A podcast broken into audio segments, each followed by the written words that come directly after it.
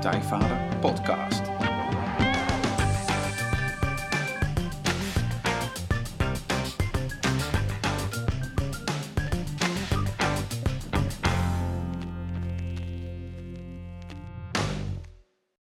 Welkom bij een nieuwe aflevering van de Praktijkvader Podcast. Jeroen hier en goed dat je luistert. Zoals elke aflevering interview ik een inspirerende gast die jou verder gaat helpen bij de volgende stap in je vaderschap. Ik vraag schrijvers, coaches, wetenschappers, kunstenaars naar hun vak, hun ervaringen, hun tips en trucs over hoe jij met meer ontspanning en plezier de vader kunt zijn die je je kinderen en jezelf gunt.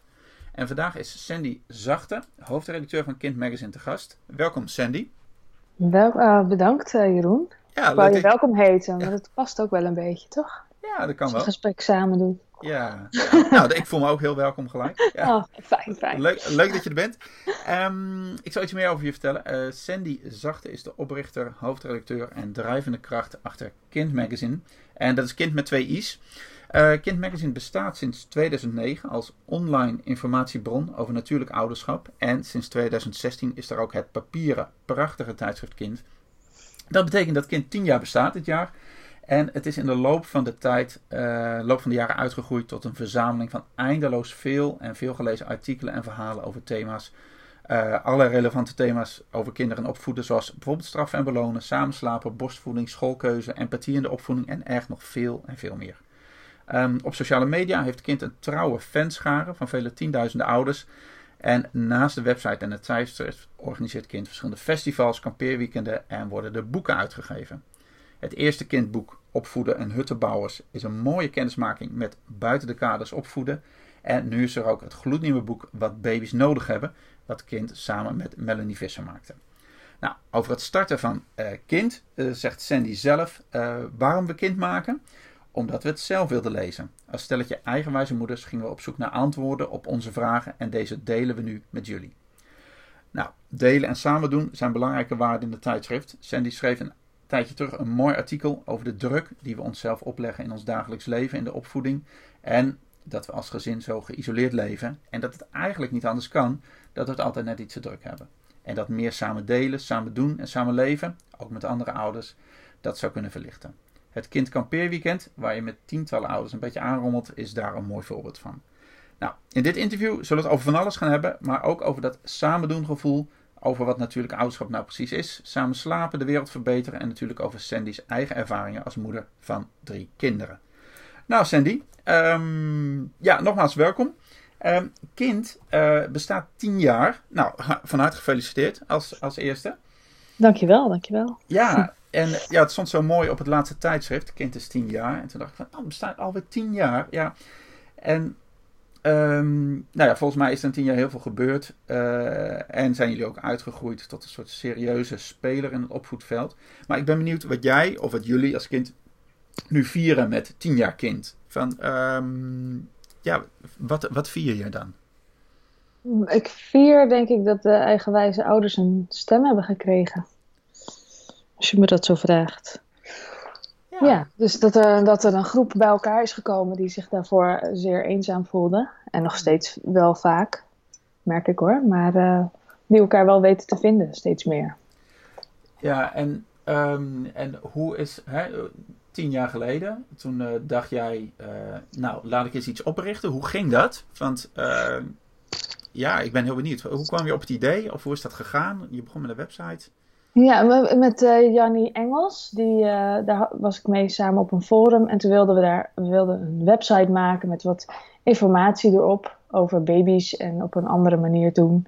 En toen vlak voor lancering zei ik, kunnen we niet een soort van online magazine van maken? En dat we dan elke maand wel twee artikelen schrijven. En toen vonden we het wel een goed idee, maar toen dachten we, ja, maar dan ben je misschien wel na een paar maanden wel uitgepraat. Dus toen begonnen we en toen was het meteen tien, tien stuks en dan elke maand. En het was steeds eigenlijk veel meer dan er paste. Want het was ook echt heel in een soort vaste opzet gemaakt, waardoor er ook niet meer oppaste. Het was nog voordat het blog echt helemaal uh, zo is als het nu is. En uh, ja, daar komt het eigenlijk vandaan. Dus, en toen gingen we dat gewoon als hobbyproject doen. Ja, en wat wilde je precies? Want wat stond je voor ogen? Wat, um... Ik wilde alleen maar de informatie delen, want die informatie die als je, op een, als je tien jaar geleden op een forum zat, dan ging de informatiesnelheid ineens. Het was ineens heel hoog. Dus ineens wist je veel meer dan als je bijvoorbeeld een blad las. Ja. Dus ik wist dingen doordat andere dingen uitzochten. Ja. En, en zo was er een, had zich een groepje gevormd van mensen die van alles bij elkaar wisten te scharrelen. Wetenschappelijk onderzoeken van alles. Ja. En dat las je niet terug ergens anders. Nee, en, en wat waren dan die dingen die je denkt van, ja, weet je, uh, dus afgelopen jaar is er zoveel geschreven en, en de boeken over opvoeden en zo, er zijn er zoveel. En wat was dan specifiek anders aan het forum en wat was er anders aan die artikelen die dan op die eerste website van, van Kind stonden? Waar ging dat over? Ja, toen was het heel erg uh, geënt op de babytijd. Dus het ging over samen slapen met je baby. Het ging over draagdoeken. Het ging over wasbare luiers. Het ging over babyzinnelijkheidscommunicatie. Dat waren echt hele rare dingen allemaal. maar was dat tien jaar geleden echt zo anders dan nu? Dat... Ja, het is ja. echt enorm veranderd. Dragen is nu gewoon hip. Ja. Bijvoorbeeld. Ja. Wasbare luiers zelfs is niet meer vies. Maar het is ook gewoon wel cool of zo. Ja, het... ja. Ja, ik vind dat ook grappig. Um, uh, omdat, uh, even kijken, we zitten nu, Tijn die is nu 16. Dus het is 16 jaar geleden dat ik daar voor het eerst zelf mee in aanraking kwam. En het is bijna niet meer voor te stellen dat, um, dat die informatie er toen niet was. En dat die informatie die er wel was, uh, dat die gewoon amper, dat, dat die nog zo provisorisch of zo slecht toegankelijk was. Omdat je nauwelijks websites had of of geen blogs inderdaad, zoals je zegt. En dat je alles op fora of via e-maillijsten of zo. Ja, e-mailgroepen. e-mailgroepen van Yahoo. Ja, Wasbare dit... luiers, e-mailgroep van Yahoo. Ja, dat is, zo, dat is wel grappig. Want zo heeft Wendy, mijn vrouw, daarmee ook wel gewoon die informatie over natuurlijk ouderschap zijn we toen wel achtergekomen.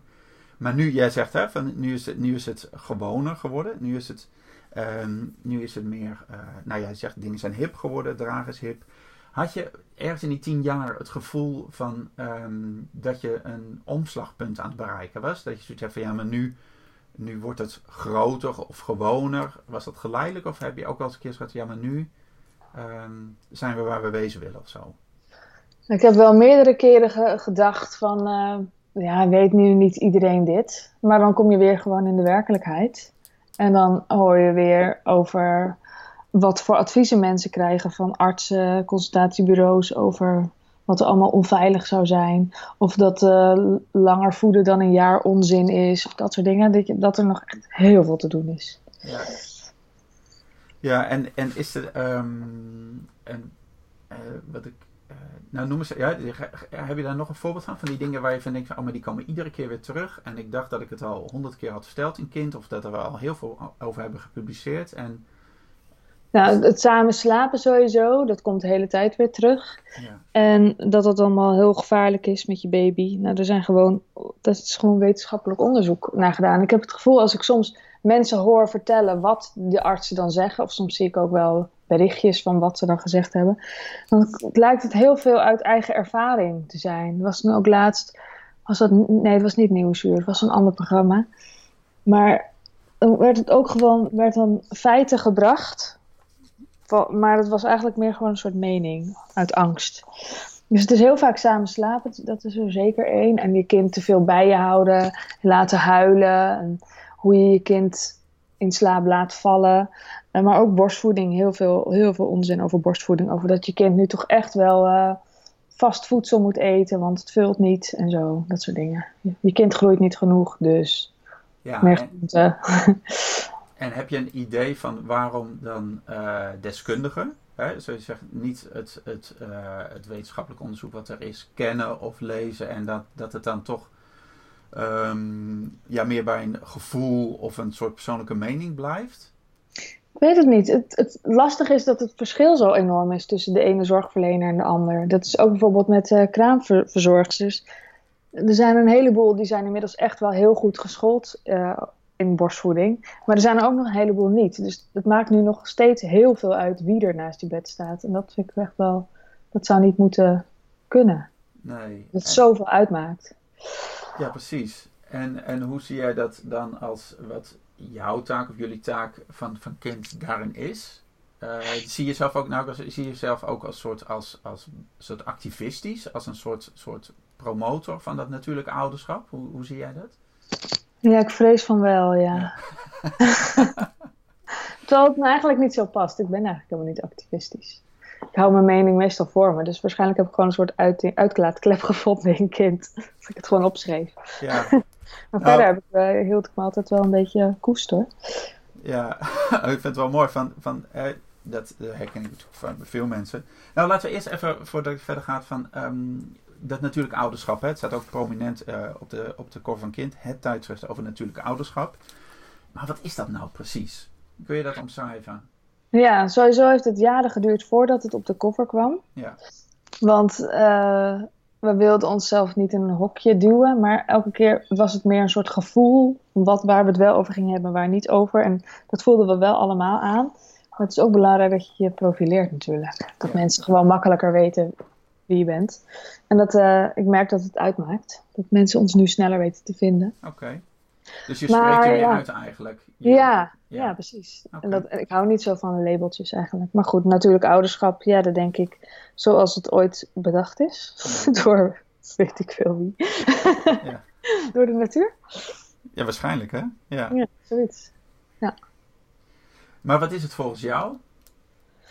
Um, een focus op uh, gezonde hechting, dat denk ik. En gezondheid.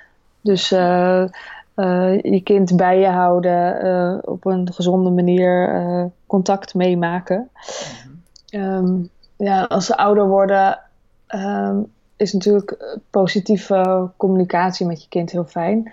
En dan neem ik daarin wel mee, hoe was dat dan ooit? Dan is het, was het niet zo zoals het nu vaak is, dat je één op één heel veel contact had. Maar dat je als groep, je deed een groepsopvoeding. Dus ja. nou, dus dat heeft ook te maken met onderwijs. Zoals een school nu ingericht is, is natuurlijk niet hoe we vroeger leerden. Dus dat vind ik altijd heel erg interessant. Ja, hey, en dat die, die dingen, van, uh, die, die klassieke onderwerpen, zoals je hebt ze net al genoemd hoor, maar ook dragen en, en samen slapen, uh, borstvoeding geven, die vallen, tenminste in mijn beleving, vallen die ook heel erg onder natuurlijke ouderschap. Hè? Dus dit is ook een soort Zeker, ja. Is het hetzelfde als attachment parenting eigenlijk, als we het dan toch over begrippen hebben? Ja, dat denk ik wel. Alleen attachment parenting is dan door Sears, uh, zijn dan allemaal stappen of uh, regels eigenlijk bijgekomen. En ja, die, uh, die hanteren we niet per se of zo. Nee, oké. Okay. Nee, want dat vind ik wel. Um, jij zei net even, toen ik vroeg van ben je activistisch, dat het is wel, als ik het, ik ken natuurlijk, ik ken, ik ken het al heel lang en ik vind het heel fijn dat ik, dat ik voor jullie schrijf. En, um, um, maar het is wel heel erg uitgesproken, maar het is nooit, wordt het uh, belerend of zo moet je het doen. Of als je het niet zo doet, dan mag je niet meer bij ons clubje horen of zo. Dus, oh, fijn. Ja, dat ja, hoop ik. ja, het is wel duidelijk, uh, maar zonder. En ik denk dat dat, um, dat je dat in al die discussies rondom dat soort onderwerpen waar we het net over gehad hebben, is het toch vaak ook van uh, heel, of heel snel, dat die kans ligt op, hè, van dat je het goed doet of fout doet. Um, want als je het zo doet als, nou ja, weet ik veel, dan dat het heel vaak ook tussen ouders een soort discussie wordt. Ja, maar als ik het nou zo doe en jij doet het anders, dan uh, bijvoorbeeld met dragen of zo, of met slapen natuurlijk helemaal, dat soort onderwerpen van uh, dat je het dan fout doet. Um, maar dat zie ik niet in kind. En, um, maar hoe, ken jij, jij kent die discussies ook, jij kent die, die gesprekken ook, Zeker. zeg maar. Ja, hoe, hoe doe jij dat zelf? Um, ja, jij bent helemaal, nou ja, jij weet waar je voor staat. En je komt dan een ouder tegen en die, die vindt dat maar niks. Of jij hebt vast ook ongetwijfeld in je, in je eigen moederschap, eigen ouderschap wel eens uh, kritiek gekregen of discussies gehad van hoe sta je daar dan zelf in? Ja, ik heb zelf een beetje een rare omgeving, want ik heb eigenlijk nooit discussies gehad. Nou, misschien heel, heel, klein, heel klein beetje toen mijn dochter, de oudste, jong was. Toen had mijn moeder nog wel zoiets van, voed je nou nog? Maar ja, later, zeker bij de tweede, was dat gewoon. Ja. Ik denk dat ze een soort zekerheid wilde hebben dat er echt een keer een eind aan kwam.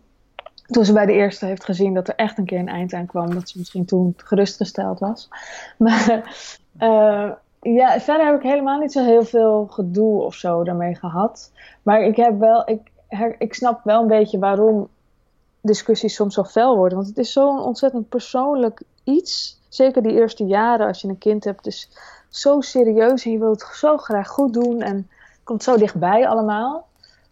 Veel schuldgevoel dat erbij komt kijken. Want je kan het dan ook gewoon uh, achteraf anders hebben willen doen. En dan kan je niet meer terugdraaien. Want de tijd is voorbij. Want je kind is ouder geworden. Dus het is niet zoals met andere zelfontwikkelingsprojecten. Dat je kan denken: oh, dan ga ik dat nu erbij leren. Nee, het is, ja, dan ben je al te laat. Kind is, nee, te laat en je kind is ouder geworden, zeg maar. Dus dat maakt het altijd ingewikkeld. En daardoor komt er gewoon heel veel schuldgevoel bij. En en zeker als je online discussies voert, dan is het, kan het snel hopeloos worden. Ja, ja dat sowieso. ja. ja, als je elkaar in de ogen kijkt, dan valt het meestal wel mee. Ja, ja want, heb je, want daar hebben jullie het ook wel eens over, hè? Over, um, over, over maild zijn. Of als je dan, uh, ik moet denken, ik weet niet waar het stond, maar ja, in ieder geval als je dan in de supermarkt loopt en, een, en je ziet een, een, een vader of een moeder met zo'n peuter die, die dan echt op de grond ligt te, te, te schreeuwen, in zo'n driftbui zit. En ehm, dat het dan heel makkelijk is om daar een oordeel over te hebben. Of, of ehm, mhm. Maar wat, wat, wat, wat zou jij doen? Of wat, wat, wat zou een gepaste reactie zijn volgens jou, zeg maar? Stel. Ik, ik, ik zoek wel vaak in zo'n moment oogcontact. En dan kijk ik of hoe iemand. Je moet een beetje aanvoelen, hè? Maar ik zeg wel, wel eens van kan ik helpen. Maar dan probeer ik dat wel zo mild mogelijk te zeggen. Dat het niet een soort uh, belerend iets is of zo. Ja. Of met een mening. Of... Maar ik heb ook wel eens gehad dat mensen dan uh, daar heel blij mee waren. Ja, ja en, en wat ik. Uh, dat is grappig, ik moet nu denken aan een vriend van mij die, uh, die noemt, nou ja, voor het ouders natuurlijk beurs, ken je natuurlijk ook. Die mhm. noemt dat de, de mijn draagdoek is hipper dan de jouwe beurs, zeg maar. Um, Merk je dat, dat er in die, in die community, om het zo maar te zeggen, van uh, natuurlijk ouderschap, uh, dat daar ook wel wat uh, ja, competitie is? Of wie doet het het beste? Of wie is het meest natuurlijk? Of... Ja, het zijn wel net mensen. Ja. En dus net, zoals, net, net zoals in deze groep als daarbuiten heb je dat er de ene persoon geeft bijvoorbeeld heel veel merken en de ander maakt het geen fluit uit. Dat heb je ook in deze groep ook in deze groep heb je mensen die graag veel geld uitgeven aan spullen en anderen die dat niet hebben. En meer geven om de buitenkant of meer om de binnenkant. Ja, het is heel gevarieerd. Dat vind ik ook zo grappig op de kindweekenden. überhaupt de groep, het is gewoon niet één soort mens. Dat, dat was misschien een paar jaar geleden nog wel zo. Maar ik vind het steeds gemeleerder worden. Ja, en, uh, en ja, dat is een beetje open. Vind je dat fijn? Maar waar, gebeurt er dan iets? Van, verandert, uh, verandert dat ook uh, hoe jij of hoe kind schrijft, zeg maar, hierover? Verandert dat mee? Of, of hoe zit dat? Uh... Als je merkt dat die doelgroep breder wordt, hè? dat die niet meer zo eng is of, of, of, of, of nauw, zeg maar. Ja, dat weet ik eigenlijk niet. Ik weet niet of ik anders ben gaan schrijven. Ik ben sowieso anders gaan schrijven, want ik ben inmiddels niet één jaar moeder, maar elf jaar moeder. Dus dus ik sta er zelf ook anders in. Want ik heb nou wel nu ook weer een kleintje. Ja. Maar toch ben ik ook naar mezelf milder geworden. Ja, mooi, ik neem het allemaal wat minder serieus dan elf jaar geleden. Ja. En toen vond ik gewoon echt dat iedereen zijn uiterste best moest doen. Eigenlijk. En nu uh, gewoon dat je alles goed moest doen. Ik wilde zelf ook alles goed doen. Ja. Ja. En nu zie ik veel meer het, grote plaatje. En uh, inderdaad, wat, ik, wat jij ook zei, uh, dat je je stam mist. Dat is uh, nogal een belangrijk iets. En uh, dat je tussen de vier muren zit met z'n allen. Ja. En hoe, hoe uh, eenzaam dat kan zijn. Dus het is een groter plaatje geworden. Dus, ik, dus we schrijven sowieso nu anders. Ja, ja over dat, dat, dat samen en die tribe, daar wil ik zo nog over. Maar ik wil nog even één vraag over dat natuurlijk ouderschap. Um, wat, uh, wat ik zelf merk ook in gesprekken, en de mannen, veel mannen die bij mij in de training komen, die, die krijgen er ook wel iets van mee of die zijn daarmee bezig. Uh, en het is allemaal, hè, het is, als je het leest van uh, samen slapen en, en die borstvoeding, die dingen, die zijn allemaal goed voor je. En het is goed voor de hechting en het is goed voor de gezondheid. Hè. Jij zegt ook een gezonde hechting, gezondheid. Maar wat ik zelf zo fijn vond, en dat lees dan ook wel terug in kind, dus dat is wel mooi dat het uh, heel veel dingen ook zo buitengewoon relaxed zijn. Ja, lui hè? Ja, echt, ja, lui inderdaad. Bijvoorbeeld, nou ja, dat samen slapen, daar kun je heel moeilijk over doen. Maar het is ook gewoon heel makkelijk, omdat het kind ligt bij je in de buurt. En als die huilt dan, of wakker wordt, dan kun je even, ben je er zo bij, zonder dat je uit bed hoeft te stappen. Of met uh, borstvoeding, als je dat ook nog doet, nou, dan hoef je niet uit bed voor nachtvoeding of om een flesje te regelen. Of, Dat soort dingen. Dus het is ook zo, zo makkelijk en zo relaxed. En, ehm, en uh, tegelijkertijd zie je rondom die onderwerpen natuurlijk ook allemaal. Hè, je zei net al twijfels of angst. En misschien ook juist wel van ouders die wel willen. Kijk, er zijn natuurlijk ouders die gaan daar allemaal nooit aan beginnen. Maar er zijn ook ouders die wel willen, maar niet helemaal durven. Of waarvan de omgeving zegt, oh, zou dat nou wel doen? Um, en om, om daar even bij zo'n onderwerp als samen slapen te houden. Hè, van, van wat, um, hoe zou jij die mensen die twijfelen, zeg maar, of die daar nog een beetje huiverig voor zijn, wat zou je tegen hen willen zeggen? Of wat, wat ja.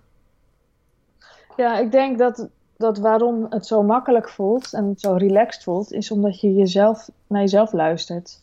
En ik denk dat als je naar je gevoel luistert, als je dat echt leert kunnen, dat kon ik eerst niet zo goed, maar nu kan ik het wel, dat het zo überhaupt relaxed wordt. En dan kan je ook besluiten zoals samen slapen veel makkelijker nemen. Ja. Dus ik denk dat het daar een beetje begint. Niet te veel naar boekjes luisteren. Eigenlijk zouden we gewoon overbodig uh, zijn. Ja. Als, uh, als er niet zoveel bangmakerij was geweest. Ja, ja want, dat is, want dat is natuurlijk de hele soort, soort tegenstelling. We, we, hebben het over natuurlijk ouderschap. En dat zou een manier zijn die, die als vanzelfsprekend uh, afgaat. Maar omdat we zoveel over nadenken, over opvoeden, omdat we het allemaal goed willen doen, is er heel veel andere informatie. En zijn we natuurlijk ook opgevoed door ouders voor het grootste deel die daar minder mee bezig waren of totaal niet mee bezig waren. Um, en, um, en, als, en wat zou dan, hè, je zegt naar je gevoel luisteren. Dus als je gevoel nou zegt ik wil het wel, wat is dan de volgende stap om het te gaan, echt te gaan doen of gaan regelen? Samen slapen? Ja. Als je, uh, zeg maar meer de praktische kant ervan. Ja, als je, hoe pak je dat aan? Zeg maar, hoe, hoe heb je dat zelf gedaan bijvoorbeeld? Uh, gewoon gedaan. Ja. Ik heb, ik heb, had me toen niet verdiept in veilig samen slapen. Ik had wel, de, bij de eerste had ik een uh, kraamverzorgster die zei van ja, we raden af om samen te slapen. Maar als je het doet, doe het dan zo en zo. En toen zei ze van leg, ze, leg haar dan hoog tussen de twee kussens in en zo. Dat, zijn natuurlijk niet, dat is niet het helemaal het veilig samen slapen. Hoewel hoog wel beter is, denk ik, dan onder de deken geschoven. Maar um, en nee, ik, ja, er zijn gewoon wat praktische tips en die kan je gewoon googlen. En verder is het gewoon erover hebben met je partner. En, en vraag ook gewoon eens naar andere mensen hoe zij het doen. Gewoon, Kan bijvoorbeeld in onze Facebookgroep. Ja. Dan kun je heel veel dat soort vragen stellen. Ja, nou mooi. Oh, er is ook allemaal linkjes uh, van zetten op de website straks. Dat, dat doen we wel. Um, ja, dit is wel, het is wel grappig, want ik kreeg pas ook weer een, een vraag van een man, ook gewoon, gewoon, nog, gewoon via de mail van, uh, ja, het is wel leuk dat samen slapen en uh, ik vind het ook wel leuk.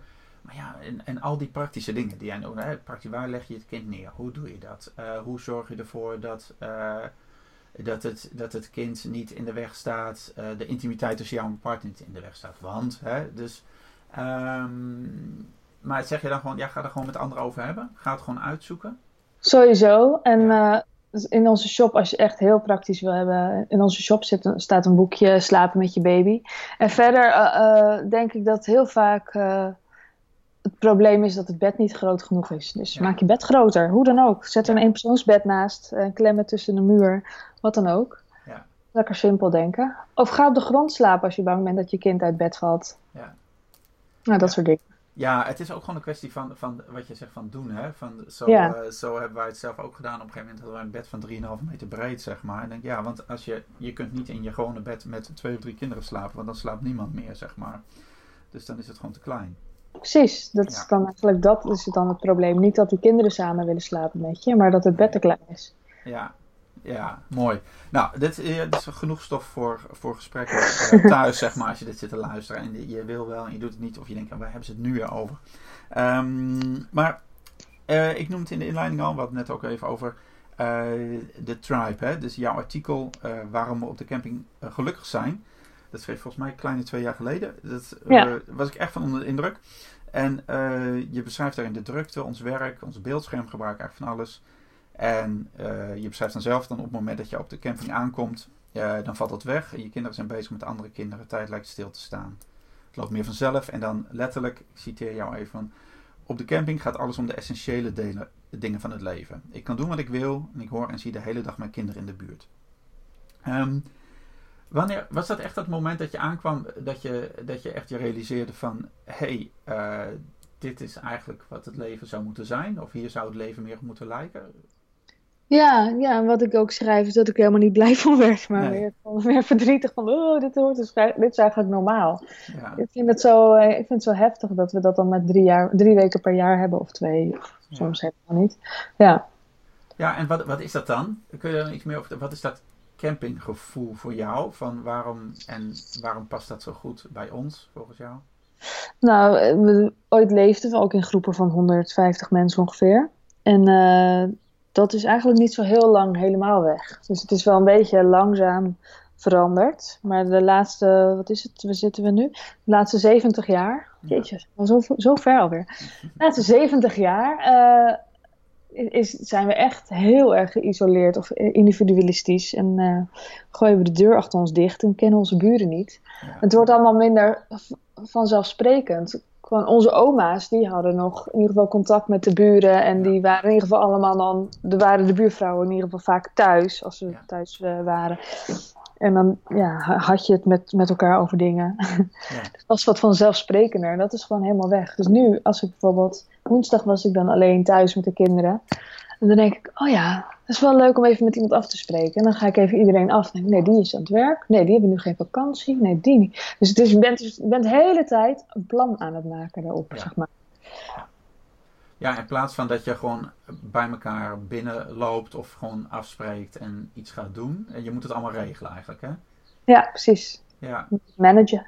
Ja, ja, dus dan ben je, het, ben je het alsnog, dan is het, het gezinsleven weer een, weer een project. En dan kom je op de camping en dan valt het allemaal weg? Dan hoef je niks ja. meer? Ja, nou, ik, ik vind het, ik, ik werk nu wat meer zonder mijn kinderen en dan vind ik het ook heel lekker om even alleen te zijn. Maar eigenlijk ben ik gewoon veel liever dat, dat, dat ze er wel zijn, maar dat ik er niet de hele dag het gevoel heb dat ik aan moet staan. Ja. Op de camping kan je tenminste nog eens een keer een bladzij lezen of zo. Ja. Dus ik wil ze gewoon zien. En het liefst ben ik, nu ben ik vandaag ook alleen thuis. Het liefst zie ik ze lekker in de tuin spelen en dat daar ook nog twee volwassenen zijn of zo. Ja, dat klopt meer. Je voelt dat het meer klopt. Ja, en daarmee gaat gewoon, dat zou ook de druk, hè, die we denk ik allemaal wel voelen, de druk van, van werk, van, van alles wat er moet, en uh, die zou dan ook omlaag gaan. Ja, werk en vooral ook dat zorgen voor de kinderen en dat je dat dan allemaal maar leuk moet hebben met je puber en je, en je peuter en een baby aan de borst. Ja. ja. Hey, en, en hoe zouden we dat, dat wat meer, hè, want het is, we leven nu helemaal in die maatschappij die zo geïndividualiseerd is en die hebben we met z'n allen ingericht. En uh, nou ja, dat heeft ons ook een hoop dingen opgeleverd. Uh, maar, maar hoe zouden dat, dat gevoel van die camping wat, wat, wat meer wel, de, dat je niet alleen maar op de camping hebt eigenlijk. Hoe zou je dat wat meer thuis kunnen regelen? Want daar denk jij vast ook over na. Ja, daar denk ik best wel over na. Ik heb ja. wel um, weer in die Facebookgroep ook, ook uh, heb ik uh, per provincie een uh, draadje gemaakt. En dan kunnen mensen met elkaar afspreken. Ik had al gelezen dat er al mensen waren die dat gedaan hebben. En um, verder weet ik dat er de afgelopen jaren steeds meer ook gewoon projecten worden opgestart voor uh, samenwoongroepen. En, maar dat zijn vaak hele grote projecten natuurlijk. Maar het gebeurt wel. En je hebt ook mensen die zelfs gewoon samen, zoals Lisa Wade, die heeft toen ook een keer daar een ver, ver, verhaal over geschreven in ons blad. Die heeft samen met vrienden een, een boerderij ergens in, in een andere kant van het land gekocht. Ja. Ik vind dat, het kan dus wel, alleen het is niet altijd heel makkelijk. Nee, maar ook dat gaat over uh, soort, soort bewustwording. Daar gebeurt misschien alles mee, van dat je het anders wilt of zo. Hè? Ja. De, dat vraagt überhaupt al dat je uh, snapt, of dat je voelt ergens in jezelf, dat het ritme waarin je nu loopt, zeg maar, dat dat niet jouw ritme is. Precies, en, en, en dat we onszelf niet de hele tijd aan het afstraffen zijn, omdat we niet ons kind de hele tijd aan het voorlezen zijn. Ja. Maar dat we ook gewoon zelf willen bewegen. Ja, ja, precies. En, en hoe doe je dat zelf? Hoe doe jij dat? Gewoon met jouw kinderen en met jouw gezin? En... Nou, wisselend. Het is in fases. Ik heb ook wel eens uh, dat de iPad voelt als mijn stam. maar liever heb ik uh, dat ze een luisterboek opzetten. En dat, uh, dat doen ze heel graag. En dat is echt heel anders, want dan gaan ze ook gewoon lekker tekenen en zo. Ja. Dan zitten ze niet zo in zo'n scherm te turen. Ja. En verder, uh, de zo? nee, een paar jaar geleden had ik helemaal geen opvang. Dan sprak ik veel af met mensen, mijn ouders. Ik, ik heb wel eens berichtjes gestuurd naar mijn vader van... Uh, kan je even langskomen? Ik heb behoefte aan een ander groot mens bij me. Ja. ja. Ja, maar dat is wel, dat is wel heel mooi. Van dat, je, dat je dat dus ook... Um, ja, die zin, dat je dat bespreekbaar maakt of zo. Want je zei dat op een, helemaal volgens mij aan het begin van het interview. Dat eenzaamheid onder ouders. En als je dan zo hardop zegt, dan schrik je daar een beetje van. Maar ja, ik, ik herken het ook wel. Van, van dat, dat je zo'n dag met de kinderen bent. Uh, en, en, en trouwens, dat hoor ik ook veel van, van mannen in mijn trainingen. Zeg maar van, oh, heb ik zo'n dag en ik weet niet hoe ik hem door moet komen. En ik ben helemaal back af aan het eind. Want om tien uur heb ik alles wat ik bedacht had. Dan, dan hebben, we, hebben we dat al gedaan. En dan moet ik nog tot, tot vijf uur of tot zes uur of zo. En dan wordt het inderdaad zo van, hoe kom ik de dag door? Of uh, moet ik dit allemaal in mijn eentje doen? En, en is, is het, uh, die, die eenzaamheid, hoor jij daar veel mensen over? Heel veel mensen. Ja. Ik denk dat ik wel de thuisblijfmoeders daar nog veel meer over hoor. Ja.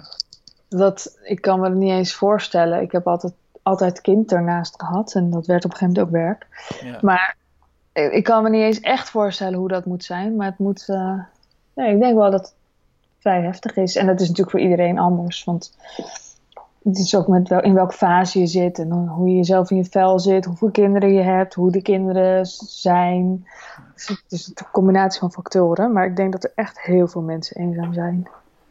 Ja, en dat is natuurlijk ook iets waar je niet over hebt of zo. Hè? Dat, is, is ook een beetje zo'n soort taboe. Want uh, ja, jij wilde toch kinderen, denk ik dan. Hè? Dus, ja, dat, dat is zo'n stukje van, ja, die heb je zelf voor gekozen. Maar het kan ook. Uh, en hoe leuk je draagdoek of je baby of je peuter ook is, zeg maar. Dit, er zijn genoeg momenten dat het, dat het wel pittig is of zo.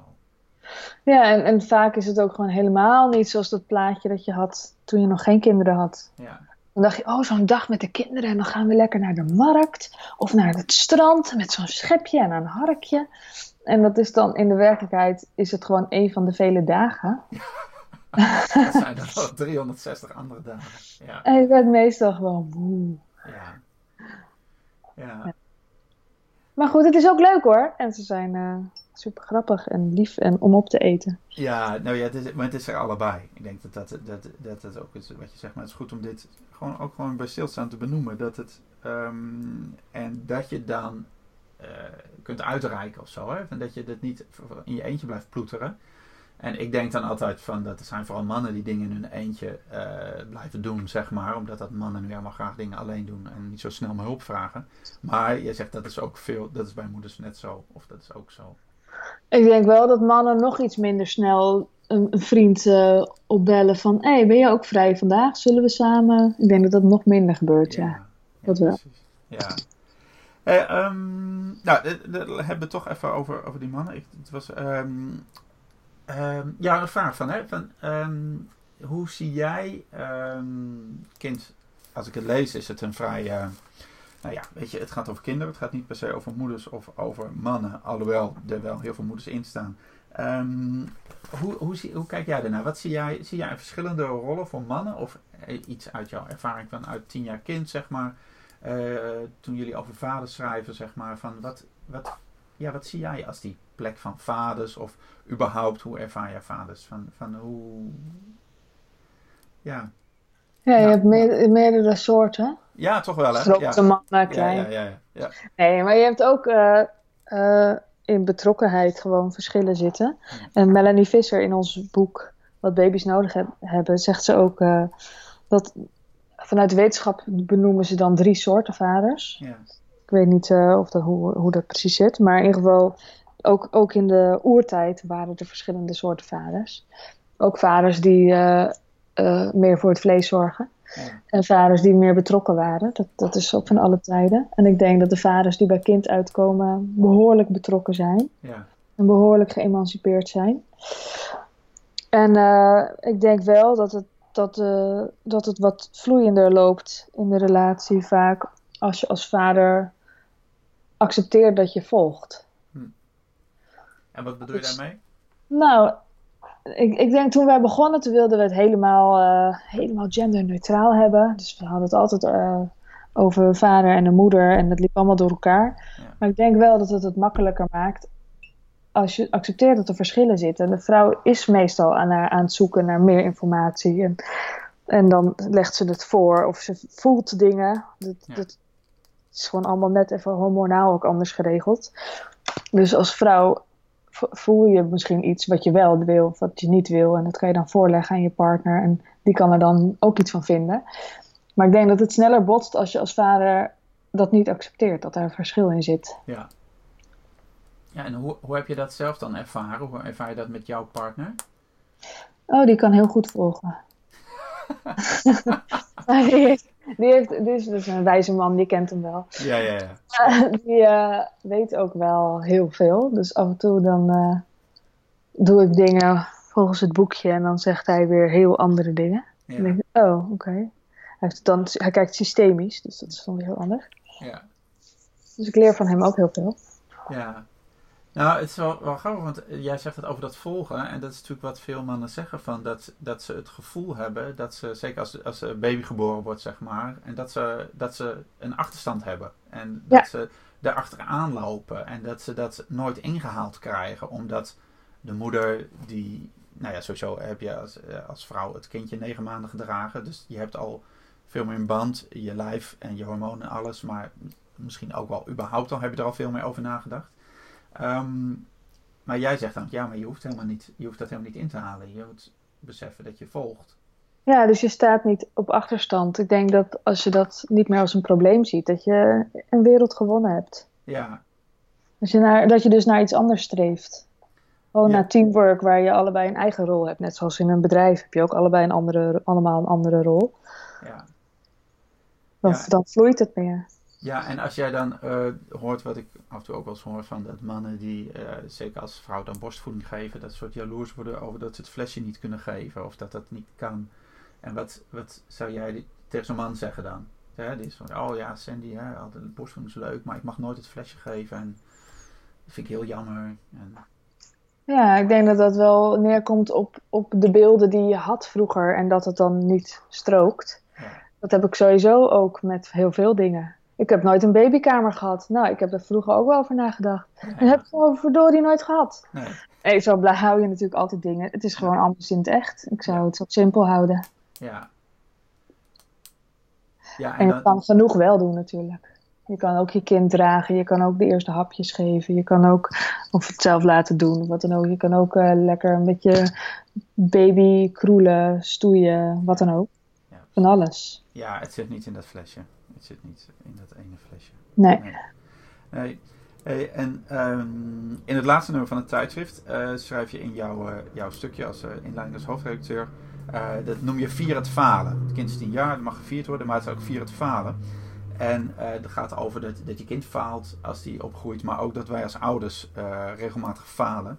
En dat we leren van mislukkingen en er zelfs van kunnen groeien. Ehm, eh, hoe, hoe mogen wij meer falen als ouders, volgens jou? Nou, ik denk dat het fijn is als je gewoon in het begin al een beetje hoort dat je het toch nooit perfect gaat doen. het is namelijk zo. Je kind krijgt echt heus zijn eigen trauma's wel. Ja. Ja, en dat willen we natuurlijk helemaal niet. Maar eh, ja, het is gewoon een, het is een ontwikkelingsproject. Ja, en, en waarin zie jij, eh, even kijken, nou ja, we leven ook in een tijd waarin we de lat hoog leggen, dat alles perfect moet. En, ehm, en eh, eh, heb jij voorbeelden van, van ehm, zeg van nou, dat je zelf denkt, oh ja, toen ben ik wel eens gefaald, of, of, dat, of dat je zegt, nou, het zo falen we allemaal wel eens, of, ehm, en dat is eigenlijk helemaal niet zo erg. Nee, ik ben eigenlijk wel perfect. Oh, fijn man. Dat is Nee, nee grapje. Nee, ik, eh, ik kan ook wel uitvallen tegen mijn kinderen. Dat wil ik helemaal niet. ja, En zeker nu, ik heb dan een eh, peuter en een kleuter en een tiener. ja, Nou, dat is echt een walgelijke combinatie. dat is echt soms gewoon niet te doen. Want, want ik kan heus wel eh, mezelf niet meenemen en het me niet persoonlijk aantrekken. En dat ik dan één op één met mijn oudste goed contact kan hebben. Maar wat doe je als ze dan een beker omgooit in, in het gezicht van, nou, per ongeluk tegen het ene kind aan. En de beker gooit ze vervolgens tegen het andere kind aan. Ja, Ja, dan word je toch boos, want dat zijn ook je kinderen. ja, ja. ja. ja. Dus nou, daar kan ik echt woest worden hoor. En dat wil ik helemaal niet. Nee, en, we, en nou ja, dat is wel grappig. En dat is, eh, ja, dat is zo'n kort lontje of eh, dan ontploffen, zeg maar. Wat, wat we allemaal, tenminste niet allemaal doen. Niet, waarschijnlijk niet allemaal, maar sommigen van ons wel. Er zijn Ehm, drie mensen die het niet doen. Ja, ja, ja, precies. En wat doe je dan achteraf, zeg maar? Van, eh, zeg je dan nog iets tegen je, eh, wat zeg je tegen kind, wat zeg je tegen jezelf? Wat...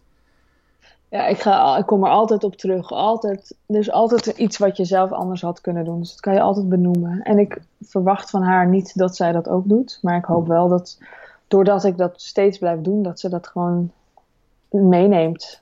Ja. Als ze later groot is, dat, ze dat, dat dat voor haar ook normaal is. Dat je elke keer je eigen rol erin erkent. Ja, Zelfs als, als je vindt dat je niet de schuldige bent en dat je het zelf heel gezellig had, dan nog had ik iets anders kunnen doen. ja. Ja, precies. Ja, en dat, is dan, dat gaat dan ook over, over laten zien en voorleven en ehm, in, in de hoop of in de verwachting. Dat- Je weet natuurlijk inderdaad nooit zeker met je kind dat ook. Dat, je, dat in ieder geval dat het kind ziet dat dat, dat normaal is om te doen of dat dat gewoon is. Ja, precies. Zonder dat ik daar dat er consequenties aan zitten als zij dat dan niet terug doet. Ik verwacht dat dan gewoon niet. Nee. Want dat maakt het allemaal zeer moeilijk. Als je dat allemaal gaat verwachten, dan kom je in een heel raar spelletje terecht. Ja, Wat ga je dan doen als ze niet sorry terugzegt? Nou, dan kom je in een heel vervelende cyclus. Ja.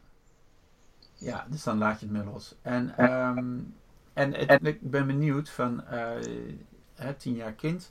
Zijn, wat, wat is nou, zijn er eh, artikelen geweest of stukken geweest die voor jouzelf echt een, een, een, een eye-opener waren? Of dat je dacht, van, oh ja, maar dit is zo, oh dit is nu zo goed dat, dat we dit brengen. Of dit is echt, daar ben ik echt super trots op. Ja, ongetwijfeld, maar Jeetje, ja, Ja, tuurlijk. tien jaar kind hè, tien jaar. Ja. Ja, Even graven. ja, Nou ja, zoveel dingen waarvan ook waar je aan de reacties merkt dat het zo belangrijk is dat je het deelt. Zo hadden we een stukje over zachter praten tegen je kinderen. Hm, Een zachtere communicatie. ja, Heel positief op gereageerd. En ehm, heel veel dingen rondom je eigen ouders. ja. En dat je daar mild naar kan kijken, naar, naar hun rol erin. En dat zij ook het beste hebben gedaan wat zij toen konden. Ja.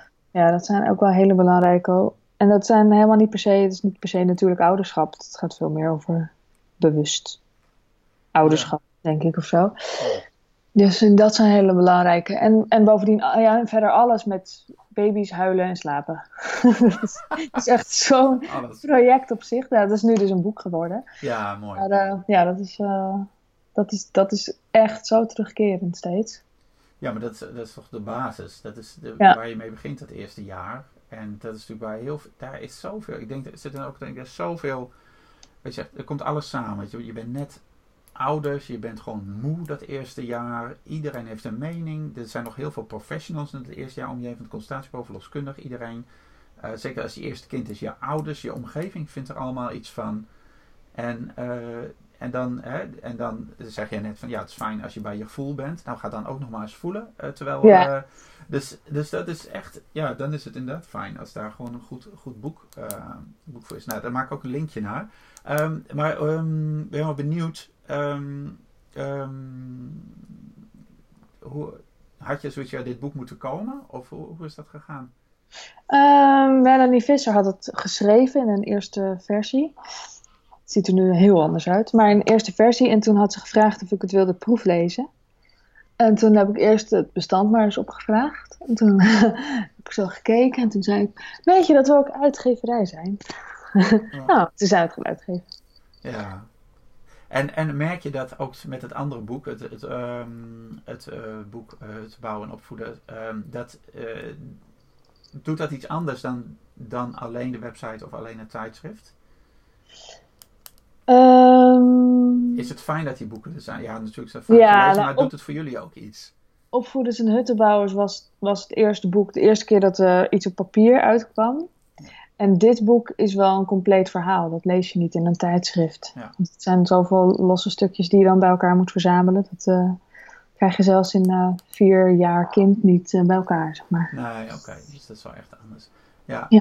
Hey, ehm, en ik ben, eh, ben wel ook wel nog benieuwd naar. ehm, Uh, welke, welke onderwerpen uh, zijn er nog, uh, die zijn nog nauwelijks behandeld of niet genoeg behandeld in kind en waar, waar je wel meer aandacht voor zou willen?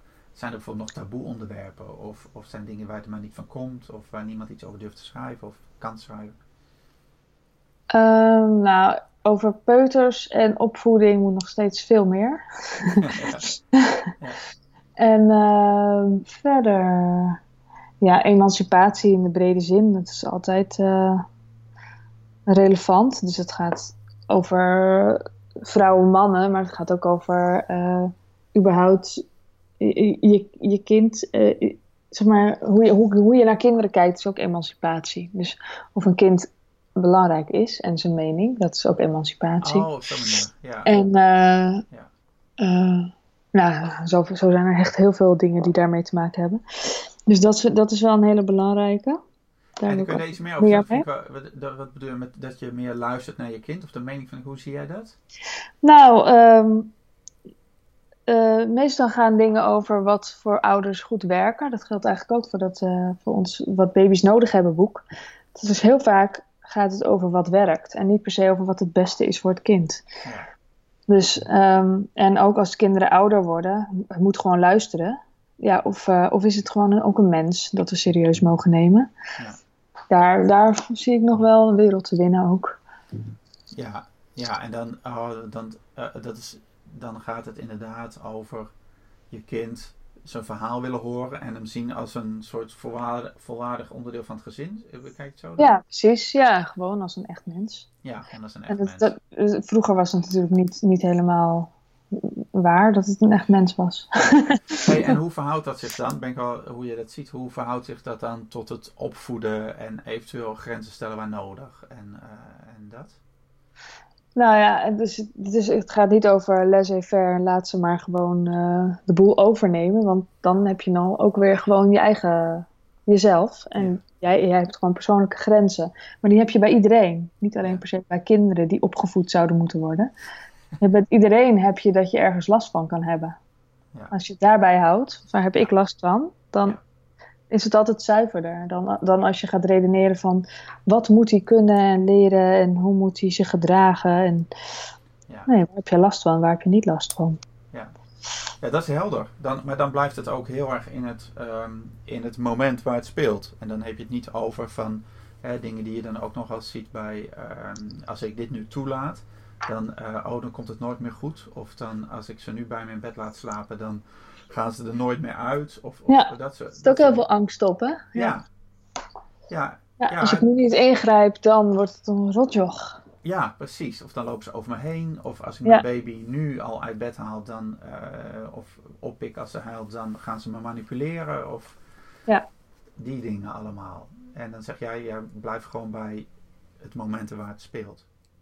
Ja, en, en bij je eigen grenzen. Je kan natuurlijk ook je grenzen bereiken. Want ik vind natuurlijk lekker samen slapen en borstvoeding geven super fijn en belangrijk. Maar ook daarin heb je natuurlijk je eigen, ook je eigen lichamelijke grenzen. Ja. Als het gewoon te veel is, dan kan je dus ook andere keuzes maken. Of misschien moet je toch zorgen dat je meer tijd voor jezelf hebt, of wat dan ook. Dat je daar concessies in doet.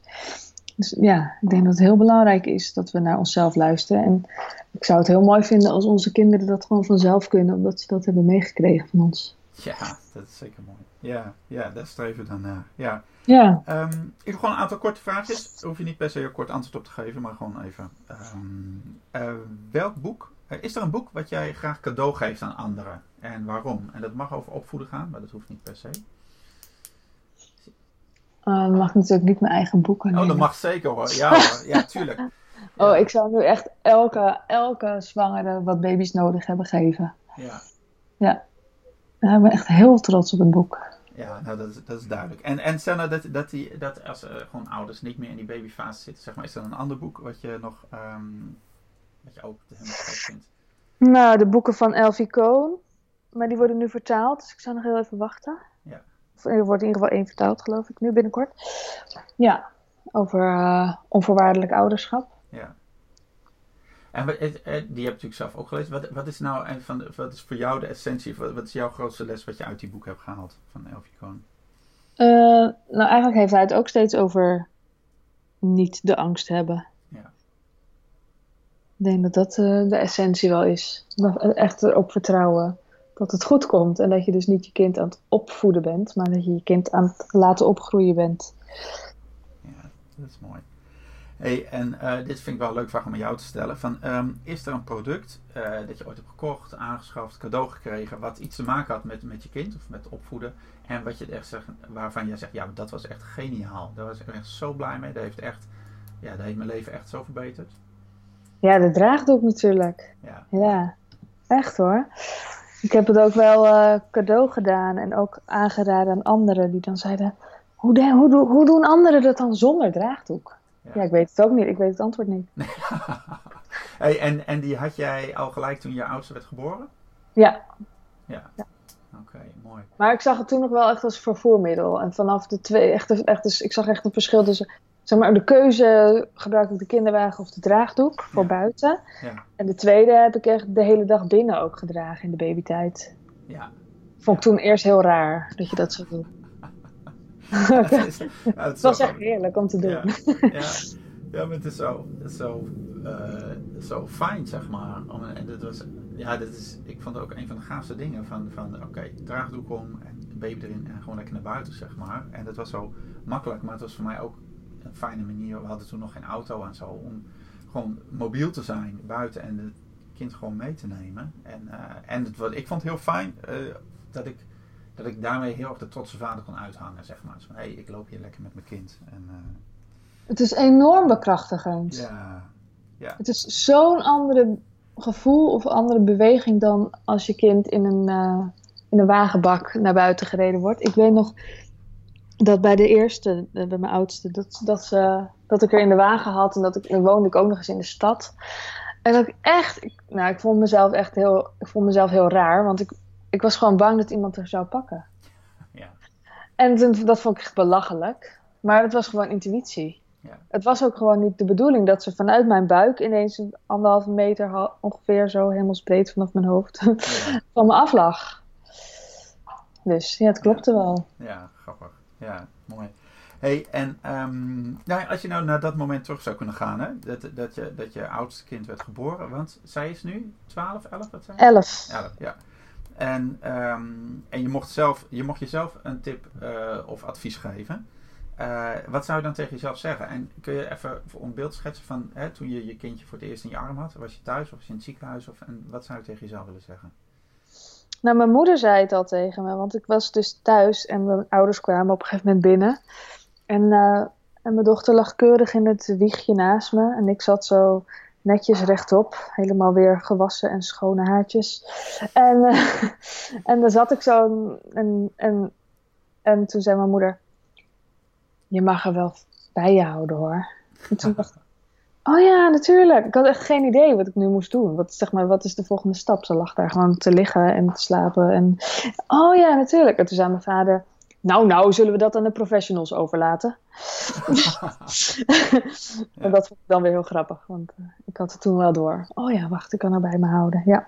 ja. En hoe, hoe, ontzettend je echt je haar bij je mag houden... Dat, dat duurt dan toch even voordat je dat echt weet. Want je moet het gewoon zien. Je moet het zien bij anderen het beeld moet veranderen. Het beeld dat je van tevoren hebt van hoe het is om een kind te hebben. Je, ja, je hebt daar gewoon een beeld van gevormd en dat, uh, dat mag veranderen. Ja, ja, mooi. Hey, en als jij nou uh, ergens in Nederland op een willekeurige plek een gigantische billboard neer zou mogen zetten. Um, en dan mag je ook opzetten wat, wat erop staat, maakt niet uit. Um, waar zou je hem neerzetten en, en wat zou je erop zetten? Uh, oh. Ja. Een leuke vraag. um, ja, waar zou ik hem neerzetten? Ik denk. Uh, is er een soort overkoepelend consultatiebureau?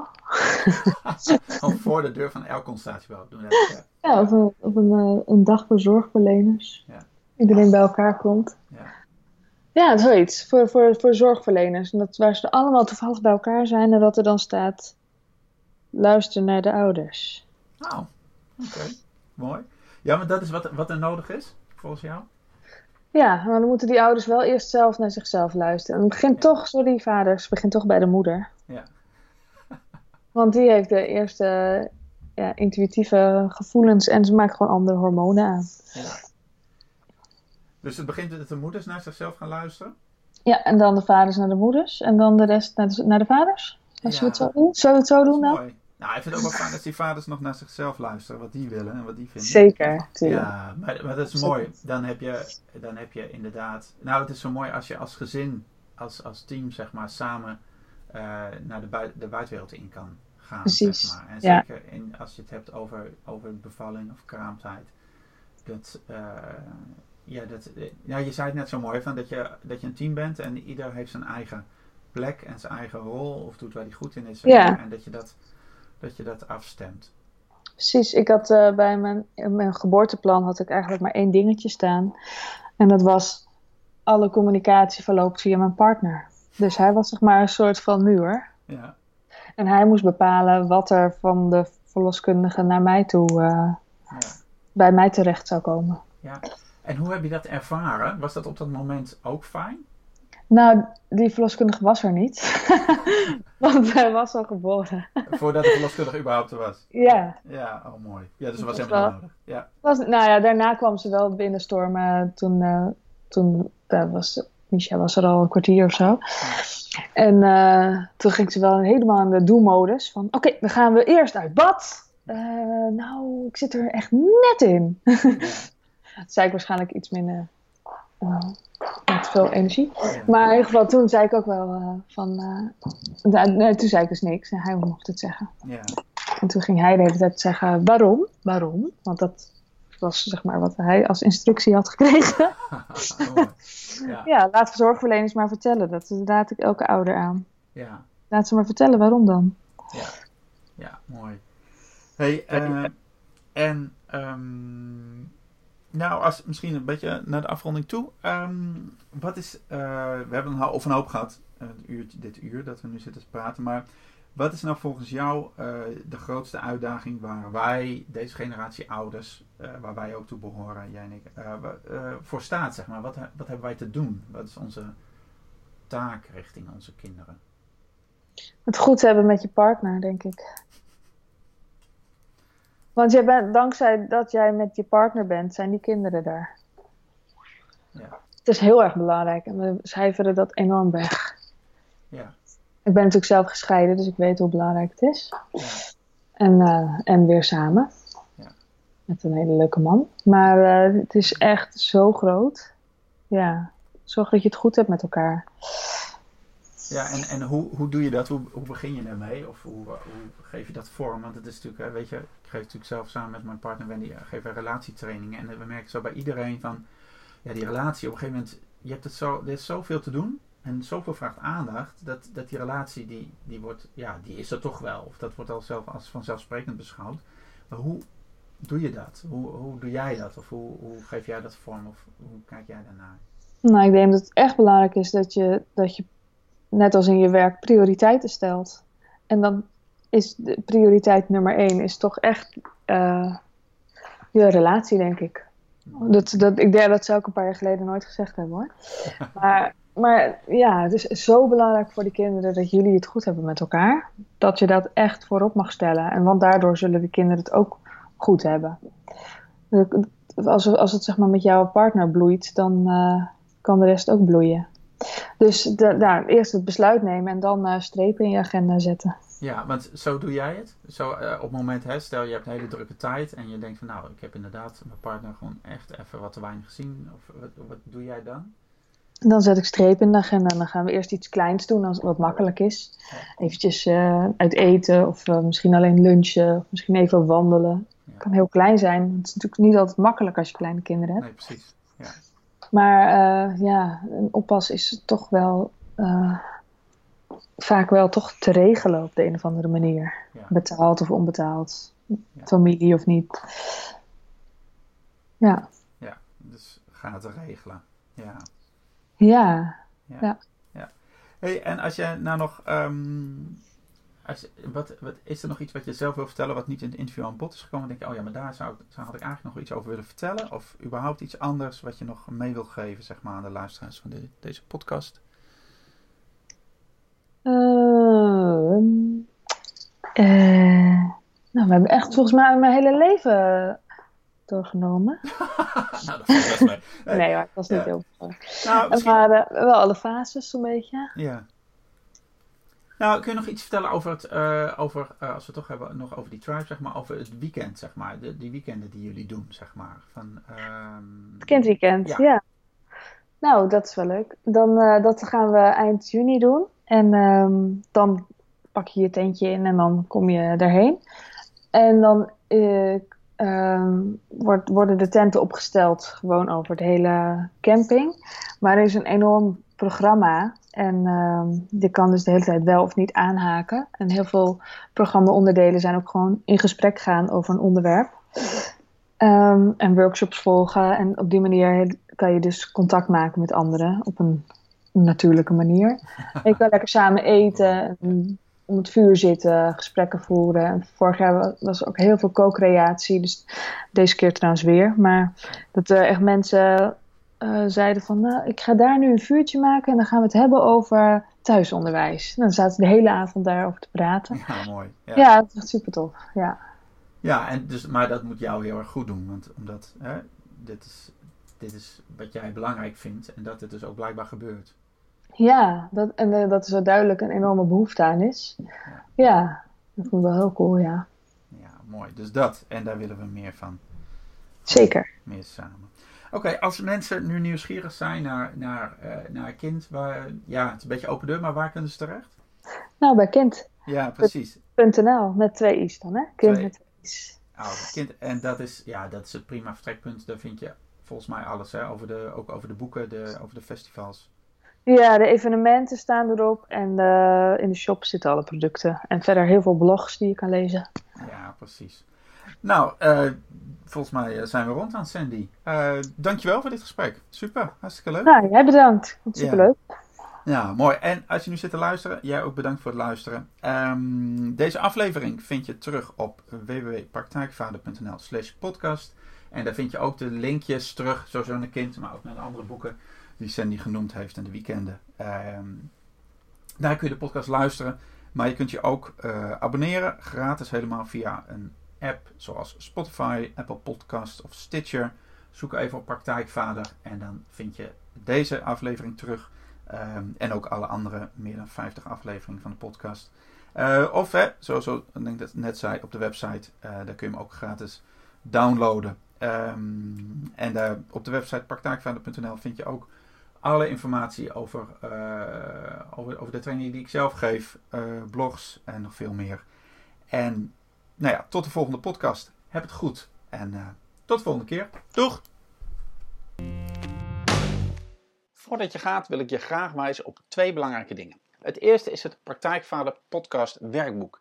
Dit fijne mini-werkboek gaat je helpen om alle inspiratie uit de interviews een beetje te onthouden en ook om te zetten in concrete stappen naar de vader die je wilt zijn. Aan de hand van vijf eenvoudige, maar belangrijke vragen haal jij de essentie uit elke aflevering en vertaal je die naar acties die het verschil gaan maken in het leven met je kinderen, je partner, je werk en alles wat er nog meer speelt. Je kunt deze handige en printbare PDF eenvoudig downloaden op www.praktijkvader.nl slash podcast. En zo kun je meteen aan de slag met de belangrijkste inzichten uit deze aflevering. Veel succes en veel plezier ermee. Nou, wat ook goed om te weten is dat je vanaf nu ook supporter kunt worden van de Praktijkvader podcast. Want de Praktijkvader podcast is 100% gratis, 100% advertentievrij en dat blijft ook zo. Maar dat betekent niet dat het niks kost om die interviews af te nemen, te bewerken en online te delen. En om investeringen in apparatuur, software, hosting, reiskosten, andere dingen te dekken, zijn bijdragen van luisteraars meer dan welkom. Nou, als jij de Praktijkvader podcast waardeert, kun je nu eenvoudig, eenmalig een donatie doen. En je laat op die manier je waardering blijken voor de inspiratie die je via de podcast krijgt.